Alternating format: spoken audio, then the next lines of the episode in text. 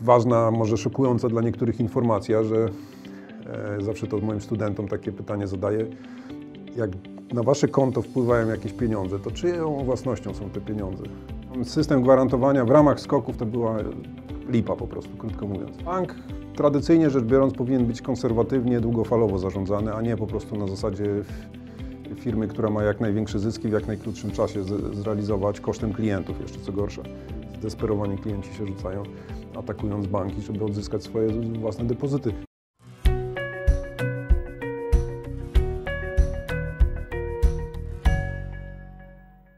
Dzień dobry. Dziś Państwa i moim gościem jest człowiek, który o polskiej bankowości wie prawie wszystko. Dr Rafał Pukasz jest wieloletnim pracownikiem banków, autorem kilkudziesięciu publikacji z dziedziny bankowości i finansów, a od 2019 roku członkiem Rady Nadzorczej Grupy Kapitałowej Immobile. Dzień dobry. Dzień dobry. Zbierając materiały do najnowszej książki, która wyjdzie wiosną, sprawdzał Pan z jakich przyczyn upadały polskie banki, w szczególności te w latach 90., w której z tych historii Polacy stracili najwięcej pieniędzy? No to ta historia polskiej upadków czy bankructw polskiej bankowości, tak jak Pan powiedział, to wszystko będzie opisane w szczegółach w książce, która w marcu prawdopodobnie wyjdzie pod moim autorstwem. Kilkadziesiąt y, przypadków przeanalizowałem z ostatniego trzydziestolecia i y, przyczyny były inne w latach 90., kiedy tych bankructw było naprawdę bardzo dużo. E, a inne były w, lat, w XXI wieku. W latach 90. przyczyny to był przede wszystkim ten dziki kapitalizm, który nas tutaj po prostu e, uczył e, gospodarowania się, tak można powiedzieć. Bankructwa głównie zdarzały się z tego powodu, że był kiepski nadzór bankowy. E, z jednej strony, z drugiej strony wielu nieuczciwych biznesmenów, którzy potworzyli sobie te prywatne banki. Jakby Pan ocenił, jaki procent to były te historie, gdzie właściciel chciał oszukać tych, tych ludzi, a gdzie komuś po prostu nie wyszło, bo miał wyrok pieniędzy, myślał, że założy bank, myślał, że będzie bogaty, a jednak mu się noga poślizgnęła? Myślę, że większa skala tych y, przestępstw, czyli celowego wyłudzania pieniędzy i oszukiwania i potem bankructw, no to było przy parabankach, których była też cała masa wtedy. E, jeśli chodzi o banki, to y, na kilkadziesiąt upadłości, około 80 upadłości banków, jakie miały miejsce w latach 90., większość to były o charakterze y, albo przestępczym, albo nieudolnego zarządzania po prostu. Y, I to było wyłudzanie kredytów po prostu na słupy najczęściej. E, I to się źle kończyło. Takich przypadków ja przeanalizowałem e, ponad 30. E, I muszę powiedzieć, że przede wszystkim to była albo właśnie nieudolność kierownictwa, e, albo szastanie kredytami, czy też wyłudzanie kredytów na słupy poprzez jakieś właśnie e, nielegalne wy, wy, wyprowadzenie pieniędzy z systemu bankowego. Kilka nazw dla widzów i słuchaczy.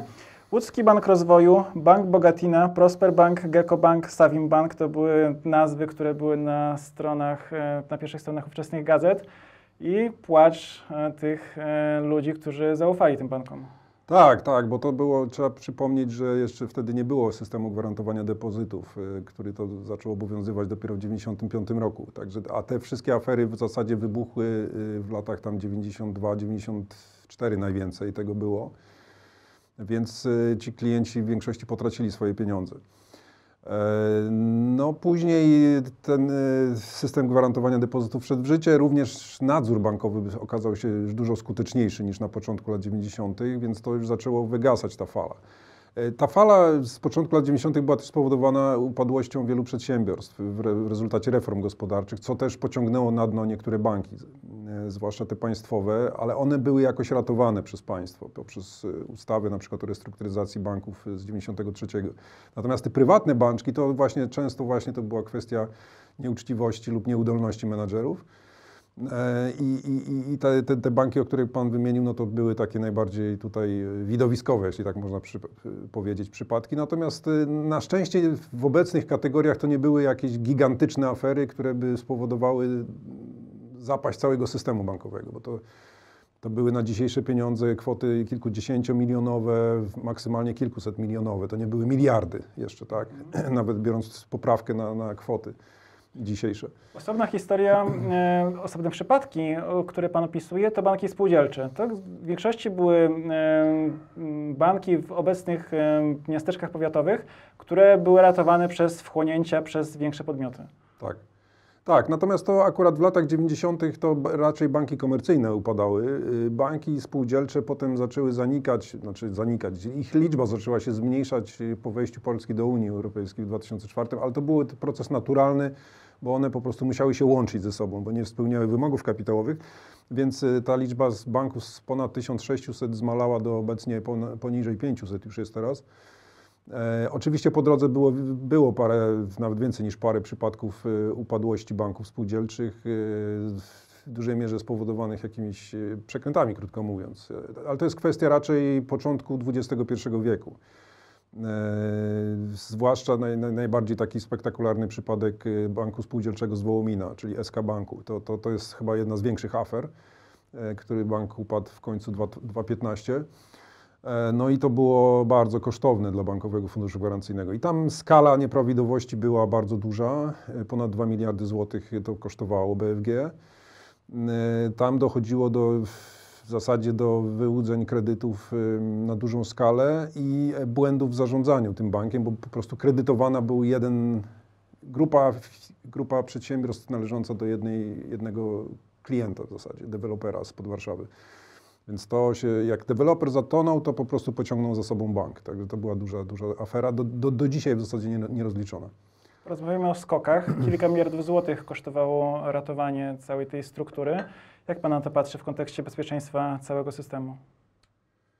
Skoki, tak, to jest y, na szczęście najgorsze już mamy za sobą, bo to był y, skoki, afera skoków wybuchła w y, końcu 2014 y, w zasadzie, czy już rok wcześniej, ale w 2014 było takie apogeum, można powiedzieć, bo skok Wołomin upadł w końcu 2014 y, i tak między 2014 a 2018 ten sektor był czyszczony później przez Komisję Nadzoru Finansowego.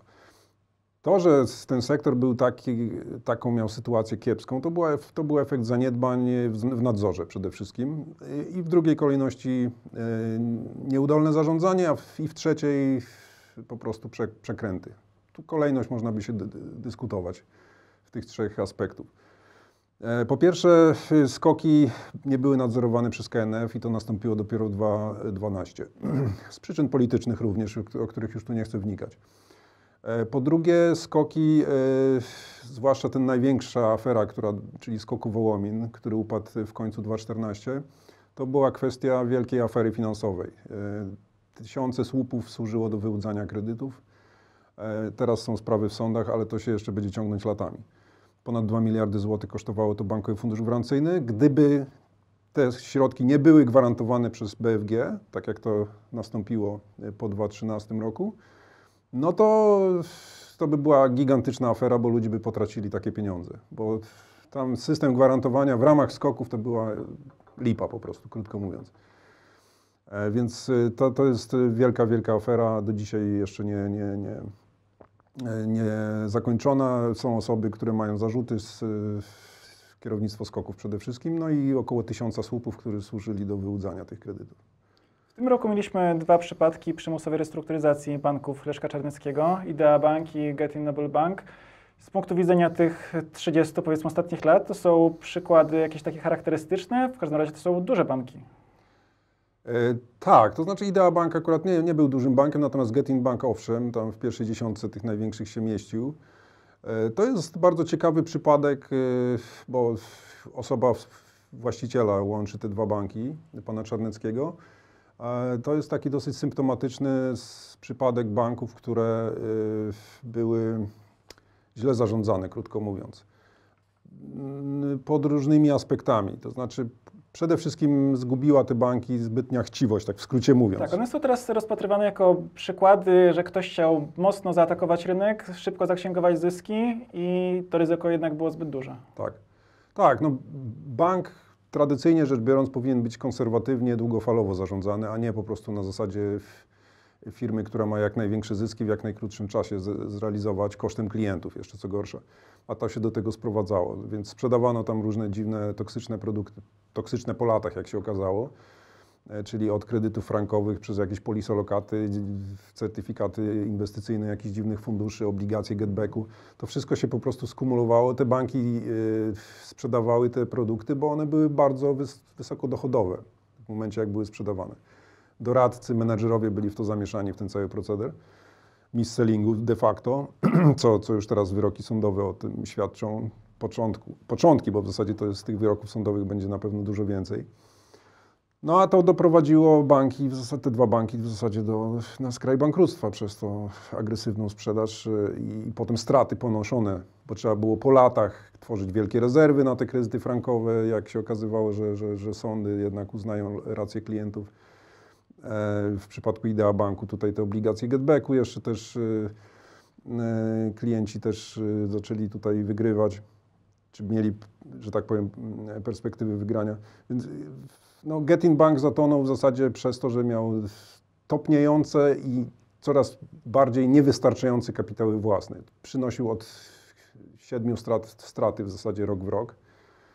E, właściciel nie kwapił się, żeby zasilić tego banku kapitałowo. E, Bał się może też trochę politycznych ko- konotacji tutaj. No Jest tutaj wątek polityczny ewidentnie. Tak, tak, znamy te historie, nagrania, historia, y, gdzie Leszek Czarnecki mówi, że próbowano od niego wymusić łapówkę. Mm, Historia e, pod nazwą Bank za złotówkę, która się w jakimś sensie zmaterializowała. Niedawno o tym mówiliśmy. Tak, zapraszamy. Zapraszamy do tego filmu, gdzie rozpatrywaliśmy na gorąco upadek przymusowej restrukturyzacji e, Getin Banku. Dziś Getin Bank to Velobank. Reklamuje się dość, e, dość tutaj aktywnie. Myśli Pan, że jest takie odium nad tym bankiem dla klienta, który widzi reklamę, że Velobank gwarantuje atrakcyjne oprocentowanie i dla klienta to może być kuszące. On będzie sprawdzał, czy jaka jest tam historia w tle, jak jeśli na przykład przeczyta, że to jest były Getin, czy może tego jakoś odstraszyć. Myślę, że tych, których y, miał wystraszyć, to już wystraszył. Y, Oni oczywiście zrobili taki lifting y, pod tytułem rebranding. Bank się na nowo pozycjonuje, inaczej nazywa.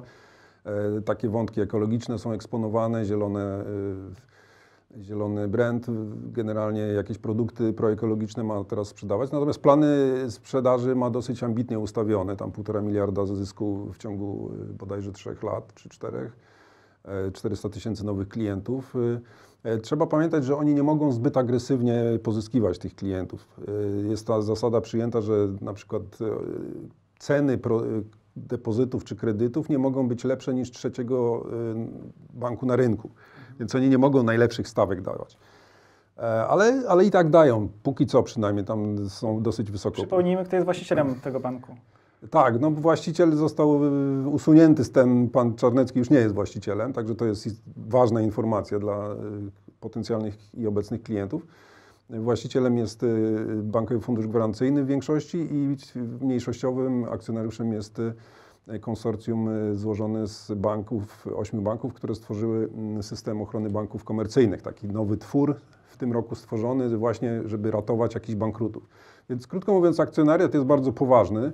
Więc nie obawiałbym się tutaj korzystania z usług tego banku. Jeżeli się okazuje, że ma jakąś ciekawą ofertę, to, to myślę, że on jest pozbawiony już tego bagażu e, kredytów frankowych, które zostały w Getinie starym i roszczeń również klientów do, do Getinu z tytułu tam jakichś produktów nietrafionych. Więc e, myślę, że z czystą kartą wchodzi na rynek ten bank. Wszedł już w zasadzie paręnaście dni t- czy parę dni temu. E, I myślę, że trzeba porównywać po prostu warunki produktów, już z- nie patrzeć na jego historię, bo to już jest zamknięty rozdział.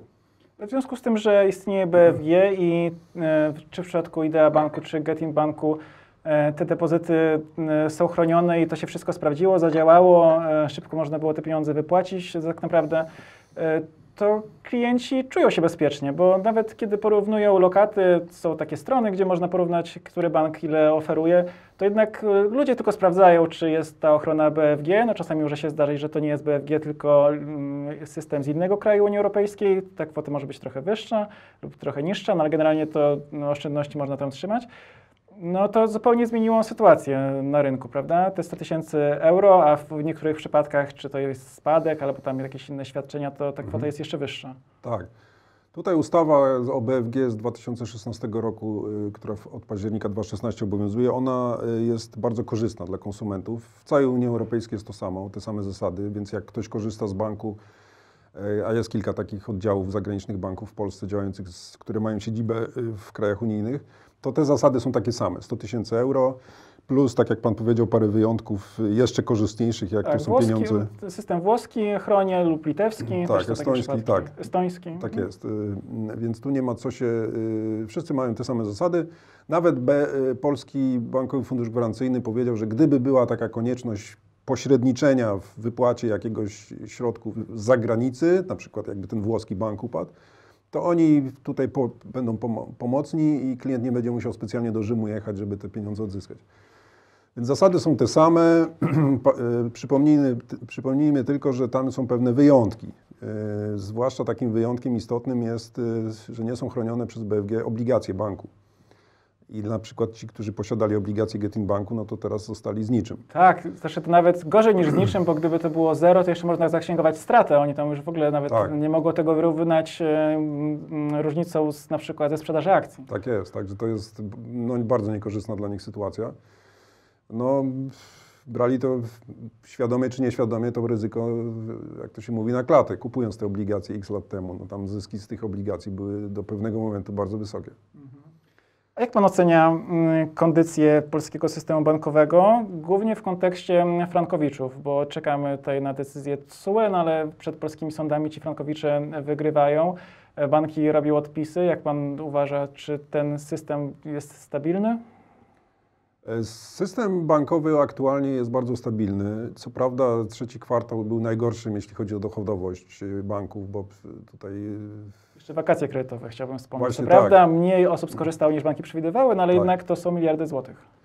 Tak, to przez te właśnie wakacje kredytowe, o których Pan wspomniał, banki zanotowały straty netto za trzeci kwartał, mm, sektor bankowy. Także można powiedzieć, że pod tym kątem to był najgorszy kwartał w historii.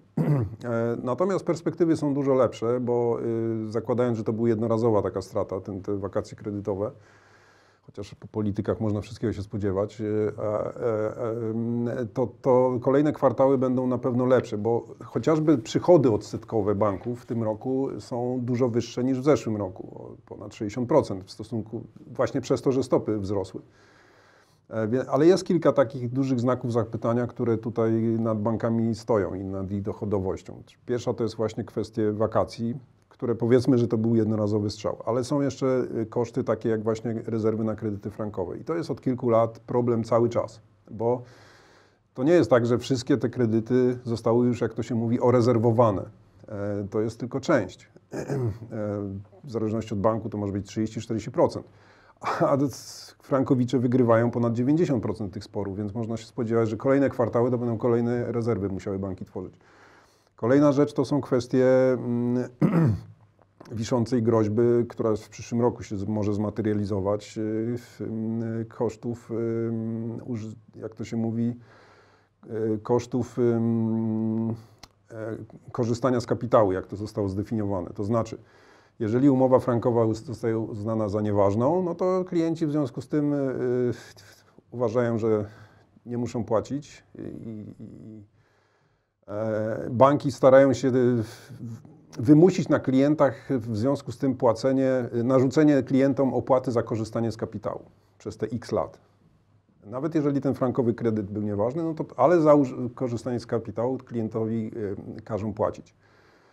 E, No klienci uważają, że nie, nie powinni, nie należy się i w związku z tym y, sądy tutaj są zawalone, jeśli tak można powiedzieć, coraz bardziej tymi sprawami. E, Sprawa dotarła do Trybunału Sprawiedliwości Unii Europejskiej, który ma rozstrzygnąć w przyszłym roku właśnie, czy te opłaty za korzystanie z kapitału, które banki chcą narzucić na klientów, frankowiczów, czy one są zasadne, czy nie. E, No i zobaczymy, jeżeli się okaże, że banki niesłusznie chcą pobierać te opłaty, no to to może być naprawdę kilkadziesiąt miliardów złotych, które spadnie na banki. I to może być największy taki cios. To się okaże pewnie gdzieś tam w drugiej połowie przyszłego roku, chociaż w pierwszym kwartale ma się wypowiedzieć rzecznik y, TSUE, e, wydać tutaj opinię, y, która może być już taka dosyć zbliżona do tego finalnego wyroku. Także to są na pewno, jest, więc, jest, jest jeszcze więcej takich e, zagrożeń stojących przed bankami, ale to są te największe. Ale niemniej jednak, podsumowując, banki są stabilnie zarządzane. Nawet jeżeli teraz dużo ucierpiały, również tracąc na przykład na swoich portfelach obligacji skarbowych, bo to też duże straty poniosły w ostatnim roku, to trzeba przyznać, że ich dochodowość operacyjna jest dobra e, i na pewno będzie się poprawiać w miarę jak e, te wysokie przychody odsetkowe będą rosły, a przy wysokich stopach one będą rosły. Czyli rację ma pan premier, który mówi, że banki sobie poradzą. Banki sobie poradzą. E, Trochę im stopnieją kapitały przez te straty i to jest bardziej problem dla gospodarki, myślę, niż dla właścicieli banków. Bo jak stopnieją kapitały banków, to ich akcja kredytowa się zmniejszy. Już jest.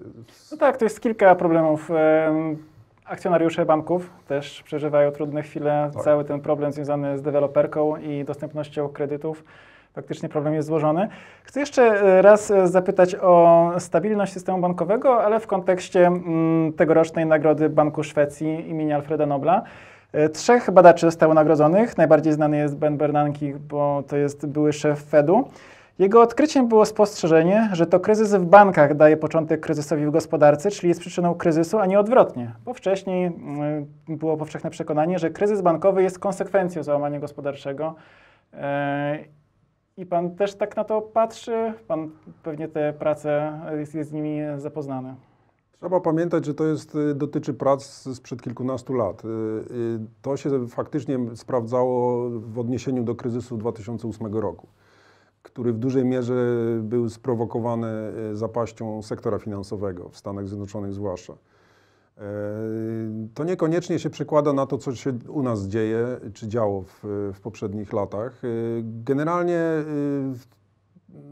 tak jak powiedziałem, my nigdy nie mieliśmy problemu z naszym sektorem bankowym, może za wyjątkiem początku lat 90., To- ale to było z kolei spowodowane zmianami, y, reformami. Choroby wieku dziesięcego. Tak jest, powiedzieć. reformy gospodarcze, kryzys y, gospodarczy i to faktycznie wtedy pociągnęło banki. Natomiast nigdy nie mieliśmy sytuacji, że banki ciągną w dół y, gospodarkę.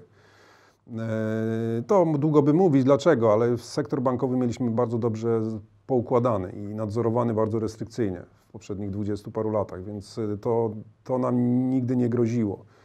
No dobrze, ale pan mówi, że wszystko jest dobrze, żeby się nie martwić. To mam przykład z kraju, w którym było bardzo dobrze.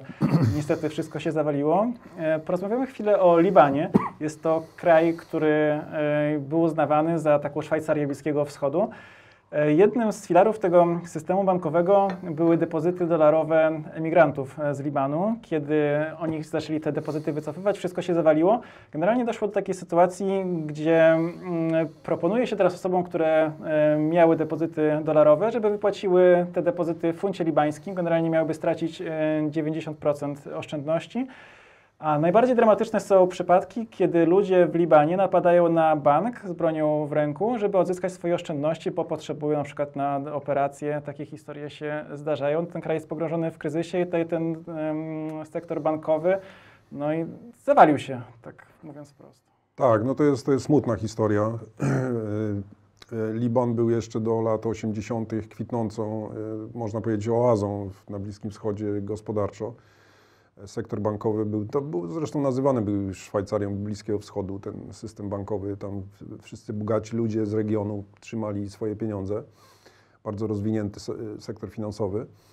No i to się, to, się, to się oczywiście zaczęło psuć nie, nie, nie, nie, nie dziś, nie wczoraj, bo to jest kwestia ostatnich kilkunastu lat, natomiast to się zwielokrotniło w ostatnich y, dwóch, trzech latach. Y, Po prostu to jest konsekwencja bardzo skomplikowanej sytuacji, kiepskiej sytuacji politycznej w tym kraju, bardzo skostniałej. Tam jest po prostu klincz y, w parlamencie.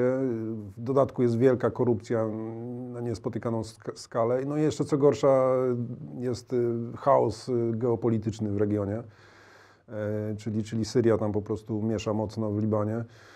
E, Także generalnie ten sektor się tam załamał, utracił wiarygodność poprzez utratę wiarygodności państwa. Także to jedno, jedno jest związane z drugim.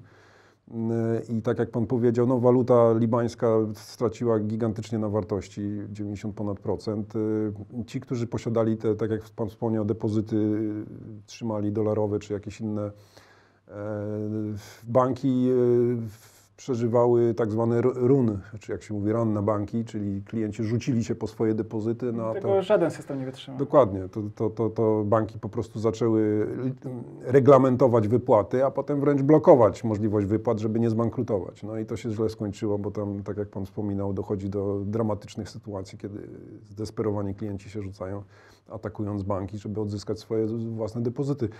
Taka na marginesie ważna, może szokująca dla niektórych informacja, że e, zawsze to moim studentom takie pytanie zadaję. Jak na wasze konto wpływają jakieś pieniądze, to czyją własnością są te pieniądze? No i tutaj nie, nie ma jasnej odpowiedzi. Czy to są pieniądze wasze, czy banku, czy państwa, czy kogo? Powiedziałbym, że moje. No właśnie nie. Z punktu, chociażby z punktu widzenia bilansowego czy prawnego, to są pieniądze już banku. W momencie, jak wpłacane są na Pana konto. Czy Pan sobie przelew robi na swoje konto. No bo wystarczy zobaczyć, gdzie, w czyim bilansie te pieniądze się znajdują. One są w bilansie banku, w pasywach. E, Pan ma tylko należność wobec banku. Tak, tak samo jak ja bym Panu teraz pożyczył pieniądze swoje, to one już nie są moje, one są Pana. Mam tylko wierzytelność do Pana pan ma, jest moim dłużnikiem, ale pieniądze są fizycznie pana własnością do, do czasu, aż pan mi ich nie zwróci. Więc tak samo jest z bankami. Dla 90% klientów to myślę będzie szokujące odkrycie, także nie mówmy o tym nikomu. Tak, to była nasza setka tajemnica dla tych, którzy dotrwali do końca. Bardzo dziękuję panie doktorze. Ja również dziękuję. Zapraszamy do oglądania kolejnych filmów na kanale Grupy Kapitałowej Immobile. Do zobaczenia. Do widzenia.